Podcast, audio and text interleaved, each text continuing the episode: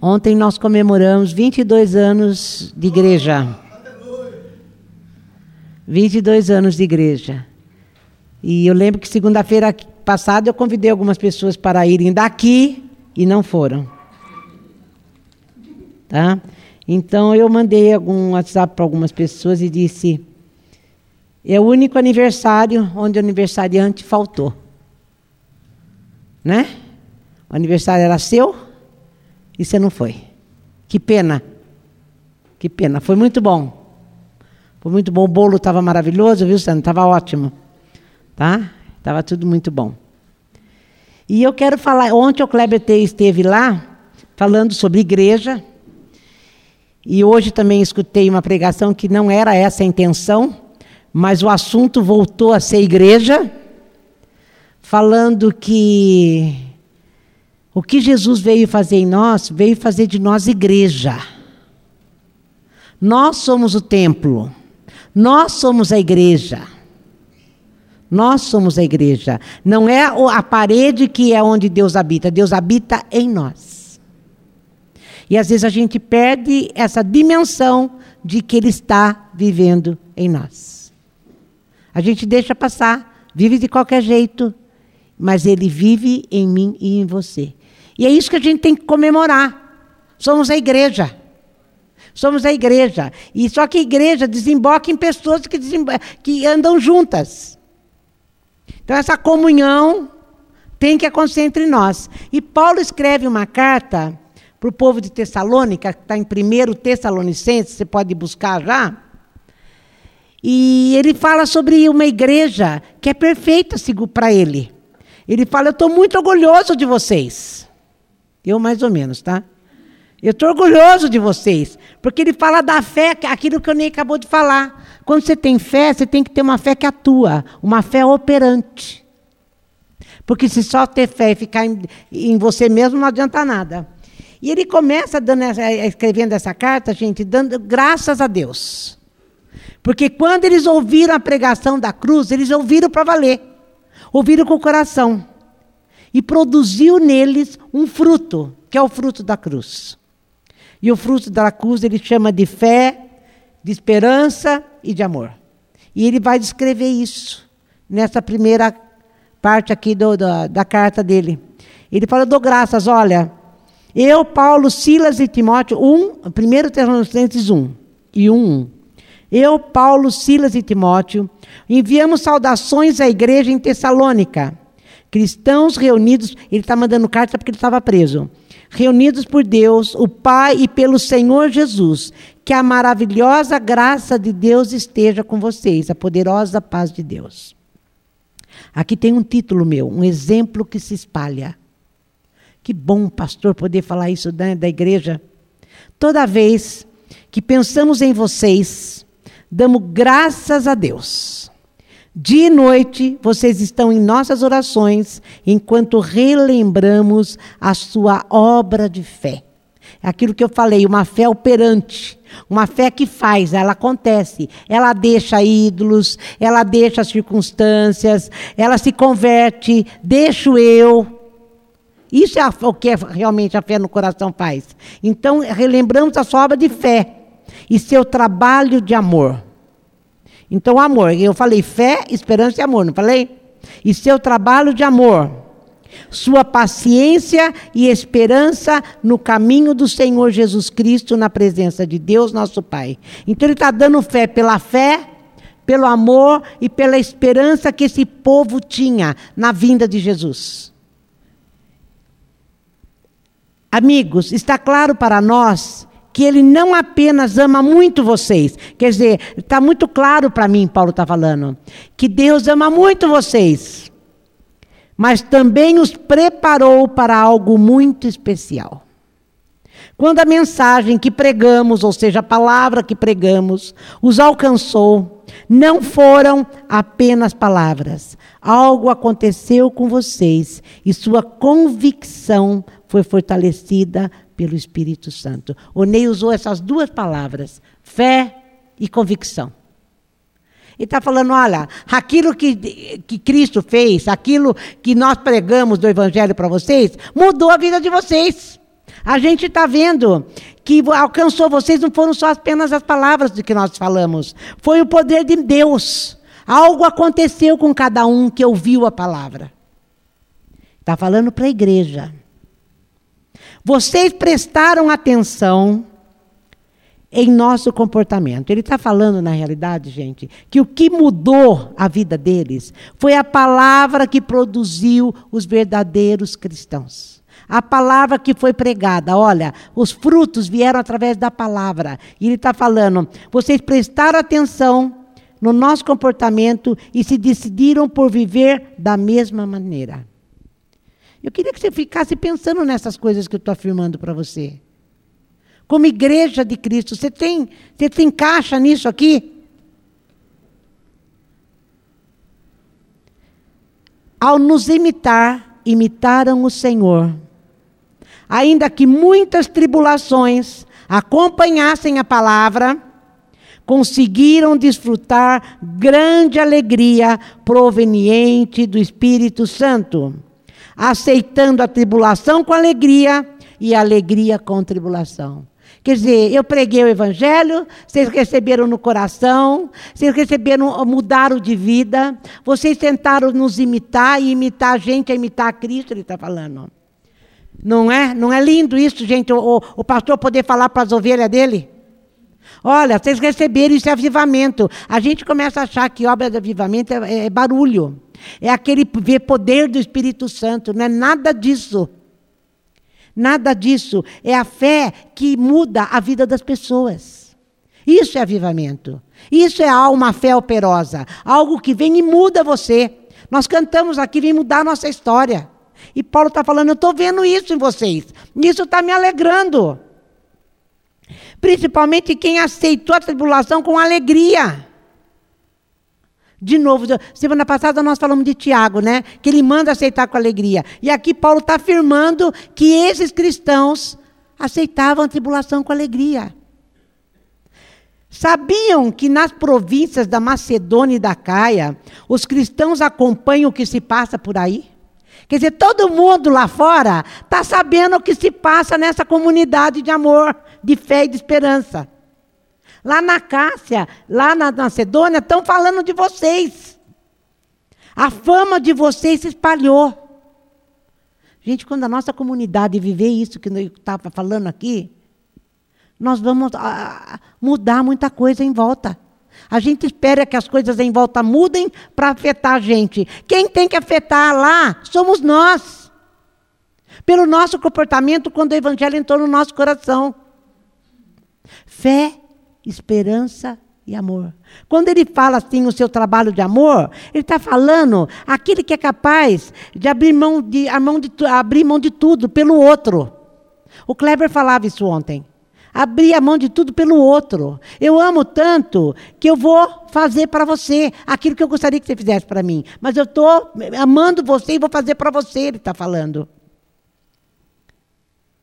Sua vida, a fama de vocês espalhou. A sua vida, quer dizer, a vida de vocês, ecoa a palavra do Senhor. Você está escutando isso que eu estou falando, gente? vai gostar muito, você vai ficar com muita vergonha, né? Ah, escutei uma pregação da Nanda essa, hoje, que ela falava assim, que ela tem até medo de certas coisas que ela escuta e que ela lê. Essa é uma das delas. Então, sua vida ecoa a palavra do Senhor, não só nessas províncias, mas em toda parte. As notícias da sua fé em Deus correm soltas. Assim, nem preciso acrescentar nada. A vida de vocês é uma pregação. Que lindo, né? Não é? Muita, muita responsabilidade. Se teve um grupo que viveu isso aqui, o que será que as pessoas em sua volta estão falando isso aqui de você? Porque não esquece, não é sobre nós aqui hoje nesse templo, é você que é templo do Senhor. É você que leva Cristo dentro de você. E vivendo Cristo dentro de você, ele está falando aqui, ó. Estão vendo? Será que estão onde você está? Onde você vai? Onde você senta? Onde você levanta? A notícia da sua fé em Deus correm soltas. Assim nem preciso acrescentar. A vida de vocês é uma pregação. Uma vez falaram para Paulo, para ele escrever uma carta para as igrejas recomendando, né? Porque naquele tempo, e tem igrejas que ainda fazem isso. Se eu sou de uma igreja e vou passar para outra, eu preciso de uma carta de recomendação. E Paulo fala: não, nós somos cartas vivas. É a minha vida tem que falar o que eu sou. É a minha vida que tem que falar o que eu sou. É o que ele está falando aqui. Olha, as pessoas lembram como vocês nos receberam de braços abertos e como abandonaram os ídolos mortos da sua velha vida para abraçar e servir ao Deus verdadeiro. Os teus amigos, aqueles que te conheceram desde sempre e veem você agora, olhando para você, será que podem falar isso? Puxa vida, essa pessoa era desse jeito. E depois que ela ouviu a palavra do Senhor, ela largou tudo que era velho, os ídolos velhos, o eu, aquilo que era importante para viver agora a vida do Senhor. É disso que ele está falando. O meu modo de vida é a igreja. É o meu modo de vida que prega. É, só, é a minha vida que vai mostrar para os outros o amor de Deus. É a minha vida. Olha como a gente tem que tomar cuidado quando a gente fala que a gente é crente. Olha como a gente tem que tomar cuidado quando a gente é crente. Vem para lá, você é. Ah, não, eu sou, eu sou fulano, eu, eu sou isso. Será que você é mesmo? É melhor você tomar cuidado. Porque como é que você está tá vivendo? Você vai viver de acordo com isso? É disso que ele está falando. Mas é muito bom o pastor poder olhar para a igreja e falar, gente, que delícia ver vocês uma bênção. Que delícia olhar para a fé de vocês e ver que vocês pregam com a vida que vocês tenham uma fé que vive, uma esperança na vinda de Jesus, um amor que abre mão de tudo para servir o outro. Vocês são realmente alvo do amor de Deus, é como ele está falando. Eu realmente. Tá? Eles, elas ficaram impressionadas. Será que eu vou ter que ler de novo? Porque eu estou vendo que ninguém está reagindo nada aqui. Olha aqui elas ficam impressionadas com a expectativa de vocês em relação à vinda do seu filho, que é a esperança, né? Que ele levantou dos mortos. Jesus, que nos livrou do que era a destruição certa. Esse pedacinho aqui está falando que a fé, gente, ela afeta toda a pessoa e resulta num novo modo de vida, num novo modo de vida. E essa vida é a vida que agora leva Deus consigo. Aonde ela vai, ela leva Deus. Tudo que ela faz afeta a vida das pessoas em volta. E todo mundo fica comentando. Todo mundo fica falando: olha, não é que a, a vida daquela pessoa era desse jeito. E olha a vida dela agora. Deus realmente é real. Deus realmente existe. É isso que Paulo está falando. E Paulo está falando: e eu dou graças a Deus e oro por vocês por causa disso por essa obra de fé, por esse seu trabalho de amor, por essa sua esperança em Cristo, que levou vocês a escutar a minha pregação e no coração. Isso afetou toda a vida de vocês. Kleber ontem falava assim, que faz 19 anos que ele anda com a gente. Desses 22. E falou, já preguei tanta coisa aqui, tanta coisa aqui. Ele falou que ele tem um lugar lá que ele guarda todas as anotações dele que ele pregou aqui, que já não tem mais lugar, de tanto que ele tem. E que ele, o lugar que ele mais pregou em toda a vida dele, no ministério dele pastoral. E ele falou: e daí? E daí? E eu pergunto para vocês: e daí? Faz 22 anos que nós estamos na martelo, não é, Pastor João? Faz 22 anos que nós estamos no martelo aqui. Paulo está falando para uma cidade inteira. Olha, povo de Tessalônica. Vocês me ouviram e mudaram de vida. Vocês vivem agora o evangelho pleno na vida de vocês. Todo mundo ao redor comenta que vocês são o templo de Deus. Aonde vocês vão, Deus está junto. Eu acho que isso, ao mesmo tempo que, como disse a Silvana, é muita responsabilidade, dizer que a nossa vida é uma pregação, inclusive, mas é algo para a gente pôr como termômetro para nós. como termômetro para nós. Como é que você tem vivido a tua vida? A sua vida tem afetado as outras?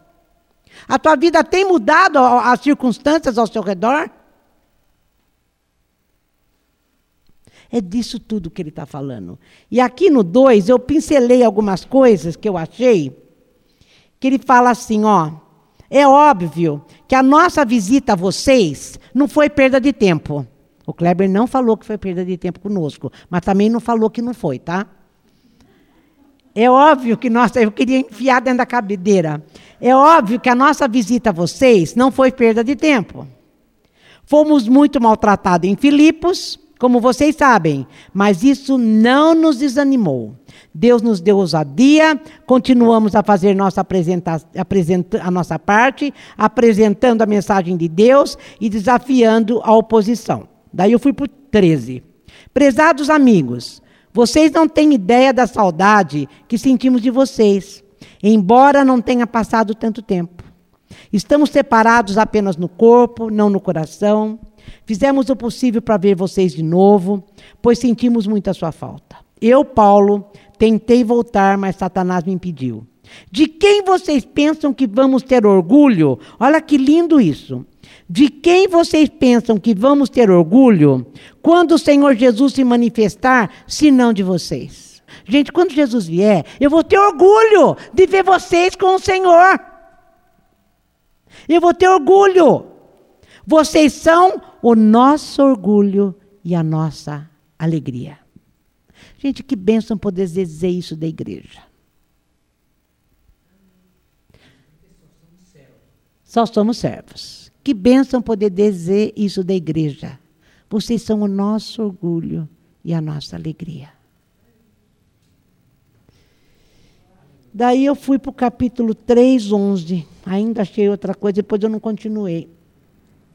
Que Deus, nosso Pai, essa é a oração que eu quero fazer. Que Deus, nosso Pai e nosso Senhor Jesus possam abrir o caminho para vocês. Que o Senhor possa enchê-los de amor, que ele transborde na vida de cada um, derramando-se sobre todos ao redor, assim como o nosso amor se derrama sobre vocês. Que vocês sejam cheios de força, pureza e confiança na presença de Deus, nosso Pai, quando nosso Senhor Jesus voltar com todos os seus seguidores. Fecha teus olhos e eu vou ler orando isso de novo sobre você. Que Deus, nosso Pai, nosso Senhor Jesus, possam abrir o caminho para vocês. Que o Senhor possa enchê-los de amor, que Ele transborde na vida de cada um, derramando-se sobre todos ao redor. Assim como nosso amor se derrama sobre vocês. Que vocês sejam cheios de força, pureza e confiança na presença de Deus, nosso Pai, quando nosso Senhor Jesus voltar com todos os seus servidores.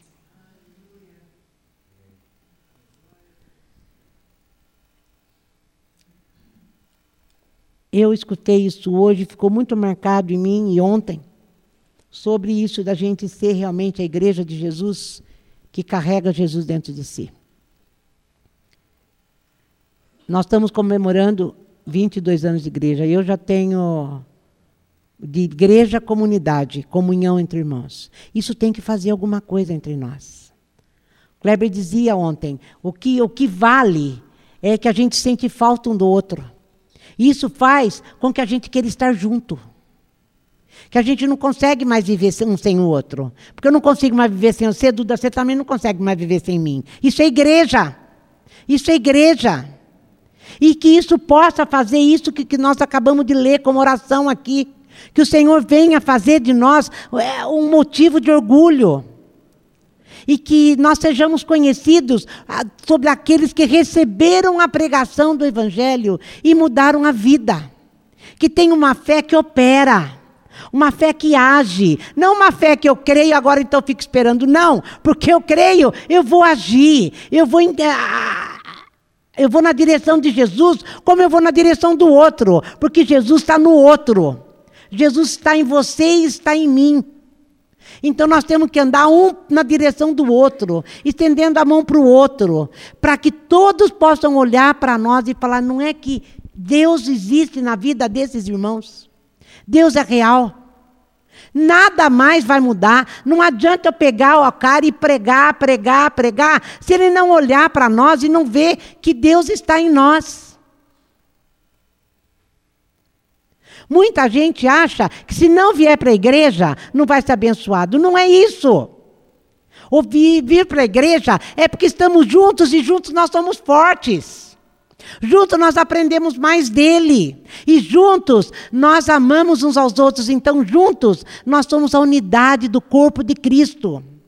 E, gente, outra coisa, ele fez, ele deu os dons aos homens. Ele deu um dom para ele que ele não deu para mim. Mas que eu preciso do dom dela para crescer. E ela precisa do meu para crescer. Então eu, nós precisamos andar junto. É isso que faz com que a gente esteja sempre juntos. Para crescer igual a Jesus Cristo, na maturidade do varão perfeito. Eu preciso de você e você precisa de mim. Por isso que não dá para viver longe. É, não adianta você não é não só adianta, não, não, não é vir ao templo para conseguir coisas de Deus. Você pode conseguir coisas de Deus na tua casa, no teu quarto, muito mais do que aqui. Aqui é lugar de comunhão, de alegria, de dom manifestando na vida do outro. Deu para entender o que eu quero dizer? Porque Deus está em você. Jesus está em você. Você é igreja, aquele templo, daquele é, tabernáculo que foi feito lá no, no Velho Testamento. Porque quando Davi quis construir o tabernáculo, Deus falou: Eu não quero, eu não preciso de casa feita por mãos humanas. Ele não queria a casa. Mas Davi quis fazer, ele falou: Bom, então Salomão vai fazer, porque você é mão cheia de sangue, você não vai poder fazer. Salomão fez. Então, o que, que era aquilo? Para eles, o fato da arca estar dentro do, do, do tabernáculo significava que Deus estava lá. Deus estava lá. Mas teve uma, uma, circunstância lá que os filisteus roubaram a arca. Roubaram, como é a prova que Deus não estava lá. Que não, não era isso que prendia Deus. Roubaram a arca. Roubaram a arca, então tiraram Deus lá do templo. Levaram embora. Né? E eles achavam que então eles iam perder a guerra porque Deus estava com os filisteus. E eles foram buscar a arca e deu um rolo tal lá na arca. É muito bonita essa história, qualquer dia eu falo aqui. Mas mesmo sem a arca, eles ganharam. Porque o outro, o filisteu estava com a arca e perderam. Deu para entender? Deus já falava: olha, aqui é, é só simbólico. Eu não estou ali. Eu estou em todo lugar. Eu estou em você. Mas no Velho Testamento, Jesus ainda não tinha vindo. Então o Espírito Santo habitava em apenas algumas pessoas. Agora, hoje, depois do Calvário e depois da vinda do Espírito Santo, nós somos o tabernáculo. Quando o tabernáculo do Velho Testamento andava, a, a, a, comunidade andava. Quando ele, a comunidade parava, o tabernáculo parava. Já simbolizando que Deus ia habitar em casas móveis, que somos nós. Quando andamos, Deus vai junto. Quando a gente para, Deus para. Quando você está no teu quarto, Deus está. Quando você está no banheiro, Deus está. Porque Ele está em você. É disso que esse texto está falando. Quando você escutou a minha pregação, Paulo está falando, você pegou tanto isso no teu coração que você entendeu e você mudou isso afetou toda a tua vida e a vida de toda a comunidade a ponto de toda a Macedônia Cássia ficar sabendo e outras comunidades. Todo mundo comenta da fé de vocês. Todo mundo comenta o quanto o evangelho mudou vocês. Foi proposital essa minha parada. Tá? Tá? O quanto o Evangelho mudou vocês. Gente, em nome de Jesus, que isso que eu li aqui, ó, que nós sejamos cheios de força, pureza e confiança na presença dEle. E que quando um tiver aqui, nós estejamos juntos. Olha, temos que fortalecer esse elo que está fraco. Temos que nos unir. Temos que amar. Temos que servir. Porque Deus está no outro. Eu acho que é no versículo 11 a 13 isso, Rê. A tua versão é outra, né? Como é que está aí? Não, deixa eu ver aqui. Daqui.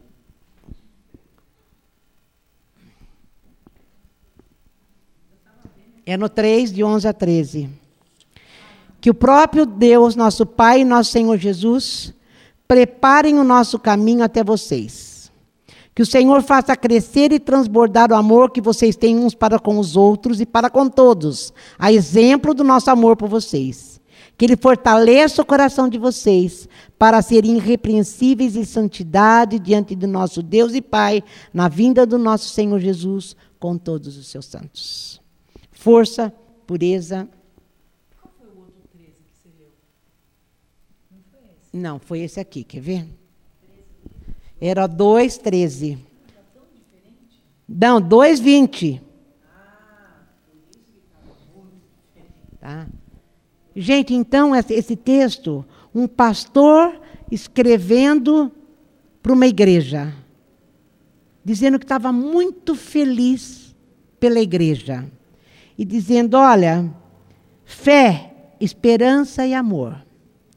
É uma tríade cristã, um dependente do outro, que capacita a ser firme na tribulação. Quando a gente tem isso em nós, como comunidade, nenhuma tribulação vai derrubar a gente.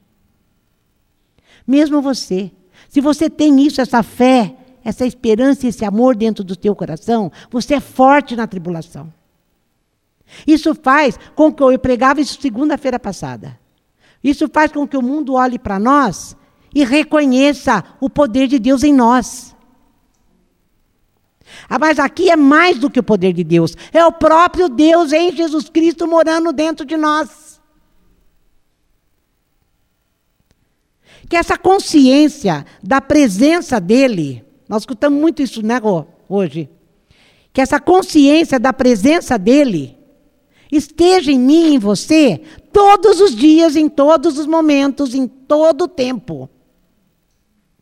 Para que a gente possa ter essa vida, para deixar o nosso pastor orgulhoso, porque o nosso pastor é Jesus Cristo.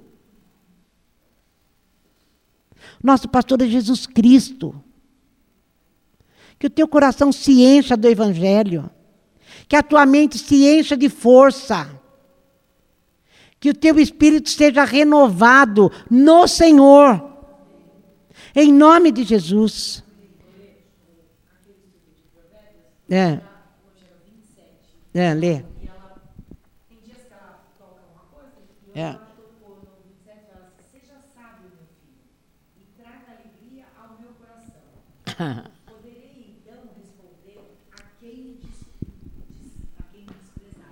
É. Que a gente alegre o coração de Deus para ele poder nos defender. Ele quer, ele quer. Agora, se a gente faz as besteiras, como é que vai? Deus é justo, gente. Eu sempre falo. É, Deus é justo. Se o, meu, o cara nem conhece o Senhor, se o cara nem nunca nem ouviu falar, mas o errado sou eu, Deus vai ficar do lado do cara. Que a gente não se engane. Tem gente que acha que é queridinho de Jesus e que porque é queridinho de Jesus, ele vai ficar do nosso lado. Jesus não tem, não tem, não faz acepção de pessoas. Ele é justo juiz. Vem dele. Então, que a gente tenha sabedoria, que a gente possa dilatar o nosso coração para receber a palavra. Ah, nós falávamos isso lá dentro. A, ninguém, a, a Bíblia fala que a gente peca porque não conhece as Escrituras. Não tenha preguiça, vá na palavra, busque a palavra, leia a palavra, medita na palavra. De dia e de noite, diz o Davi. Senhor, foi bom eu meditar na tua palavra para não pecar contra ti, ele falava. A palavra deixa a gente desse jeito aqui, ó, sabe como? Parecido com Jesus. E enquanto eu cresço na maturidade dele, enquanto eu cresço no tamanho de Cristo, nós podemos ser a casa de Cristo. Ele está em mim e está em você. Portanto, todas as vezes que você for fazer determinadas coisas, pensa bem. Ele está em você. Será que ele iria onde você vai? Será que ele faria o que você faz? É disso que está falando. Mas que a gente possa ser isso. Que a fé vai afetar toda a pessoa, mudando a vida dela. Amém? Que ontem eu dizia para o Kleber, não quero mais 19 anos, porque eu quero que Jesus volte antes. Mas se a gente tiver mais 19 anos para frente, ele falou que é impossível, que eu vou estar quase com 100. Que a gente possa viver na presença de Deus. Já pensou? Na presença de Deus. Que a gente tenha prazer em ser a casa de Deus. Sabendo que Ele está em mim e em você. Pensa bem. Deus falando: olha, eu vou morar dentro de você. Estou aí, Horácio. Estou aí. Estou aí, Jusilene. Estou aí. E você vai, ele vai. A parede fica, mas ele vai. Porque você é a igreja. O que, você pensa quando fala, nossa, ele está dentro de mim? É Deus que está dentro de você. Deus está dentro de você. Somos uma pregação viva. Somos cartas vivas. Somos exemplo para muita gente. Ou então você cala a boca e não fala que é de Cristo. Porque tem gente que fala e depois se comporta muito feio. Né? É melhor não falar. Amém? Então vamos levantar.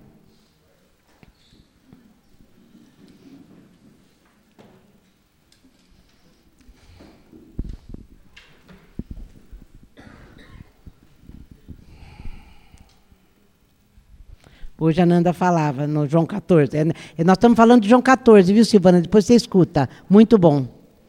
Hoje ela falava que quando você está no teu quarto murmurando, ele está lá. Ele está lá. Ele está aí. Jesus quer essa consciência da tua presença. Essa certeza daquele, do seu amor por nós. Nós cantamos hoje. Ele me ama. Ele me ama. Senhor, o Senhor nos amou apesar de nós. Mas o que o Senhor espera é que esse amor nos transforme. Queremos, Senhor, queremos ser testemunhas vivas suas. Queremos, Senhor, que o mundo te conheça através da nossa vida. Apóstolo Paulo, quando estava falando isso, a turma podia pensar: não, a vida dele era perfeita, né? era toda poderosa. O apóstolo Paulo estava preso, vivia preso, vivia apanhando. E ele falava: o mundo vai conhecer a Cristo através da minha vida. Senhor, que cada um que está aqui nessa noite, que é da igreja da fé cristã, te conheça dessa forma, para responder ao Senhor dessa forma, que o Senhor possa ter orgulho de nós. Que o Senhor possa falar, todo mundo lá do outro lado me conhece através deles. Através deles, porque eles têm uma fé que opera, uma fé atuante, uma fé que vai, uma fé que vem, uma fé que faz. Eles têm um amor, amor abnegado, amor que pensa no outro, um amor que pensa na vida do outro mais do que na própria vida. E tem a esperança de que breve estou voltando. Breve estou voltando. Senhor, fortalece, Senhor, os meus irmãos. Fortalece a minha vida para que a gente viva nesse tempo, nessa vida de caos, de dificuldade, de tribulação, da maneira que o Senhor nos chamou para ser, casas do Senhor, representantes do Senhor, que possam olhar para nós e te ver, que possam olhar para nós e reconhecer que o Senhor existe, que o Senhor é real, que o Senhor é bom, que o Senhor é perfeito. Louvado é o teu nome. Louvado é o teu nome, Jesus Cristo. Não foi à toa, não foi à toa o Calvário.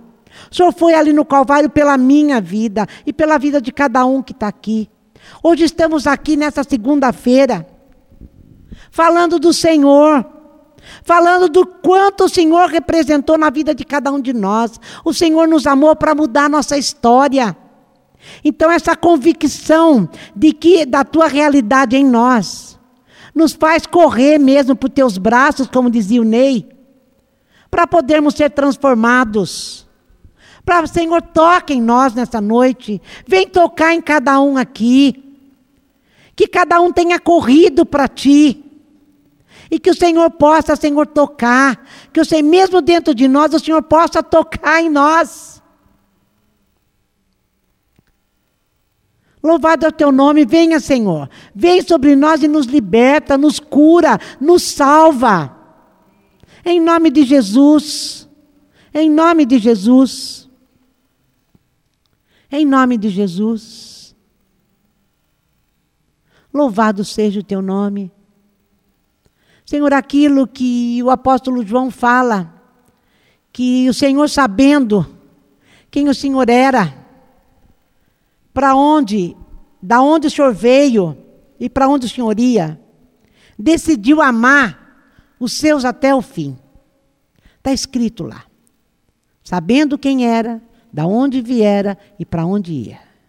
Nós sabemos quem somos. Nós sabemos para onde vamos e da onde viemos. Sabemos a, a, a, a, obra de transformação que o Senhor tem feito na nossa vida.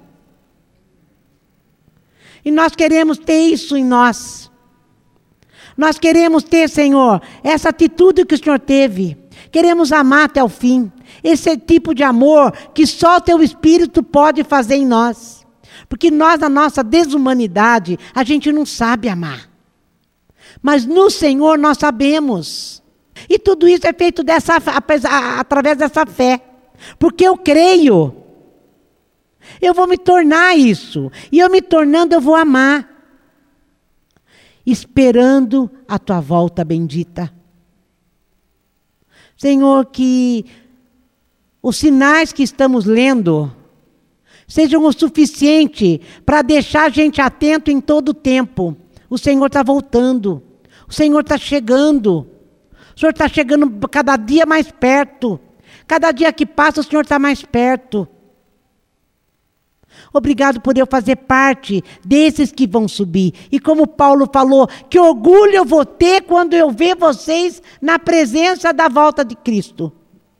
Que cada um que está aqui nessa noite possa ter essa expectativa para poder ir embora com o Senhor.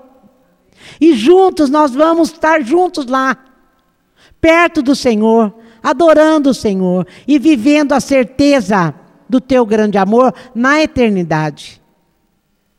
Louvado seja o teu nome, Jesus. Louvado seja o teu nome. Obrigado pela cruz. Obrigado porque antes da fundação do mundo, o Senhor pensou em cada um de nós que estamos aqui nesta noite. E depois de 22 anos, com tanta tribulação e com tanta coisa, estamos aqui te dizendo: te amamos, Jesus. Te amamos, queremos o Senhor. Queremos ser para o Senhor motivo de orgulho. Queremos ser a tua casa vem morar em nós. Bendito é o teu santo nome. Bendito é o teu santo nome. Amém.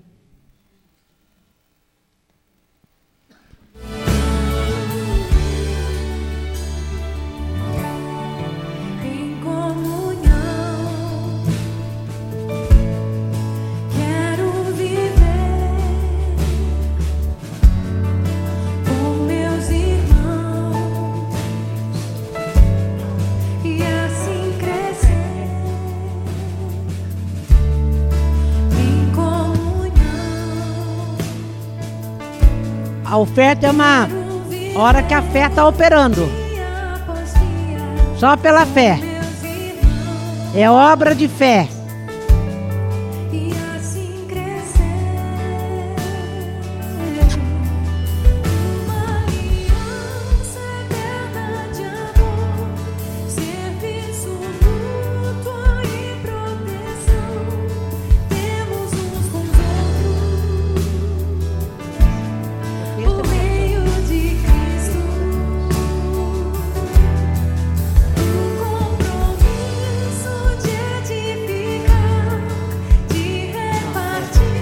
Levantar que o pastor João vai orar agora.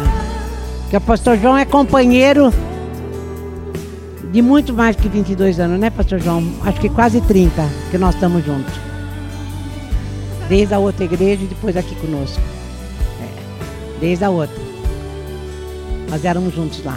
E fomos mandados embora tudo nós juntos. E, e tem, tem, mais essa, né? Isso aí, isso aqui, vocês são nossos filhos. Pronto. Fechou. É nisso. Olha, sem Pedro, eu estava ali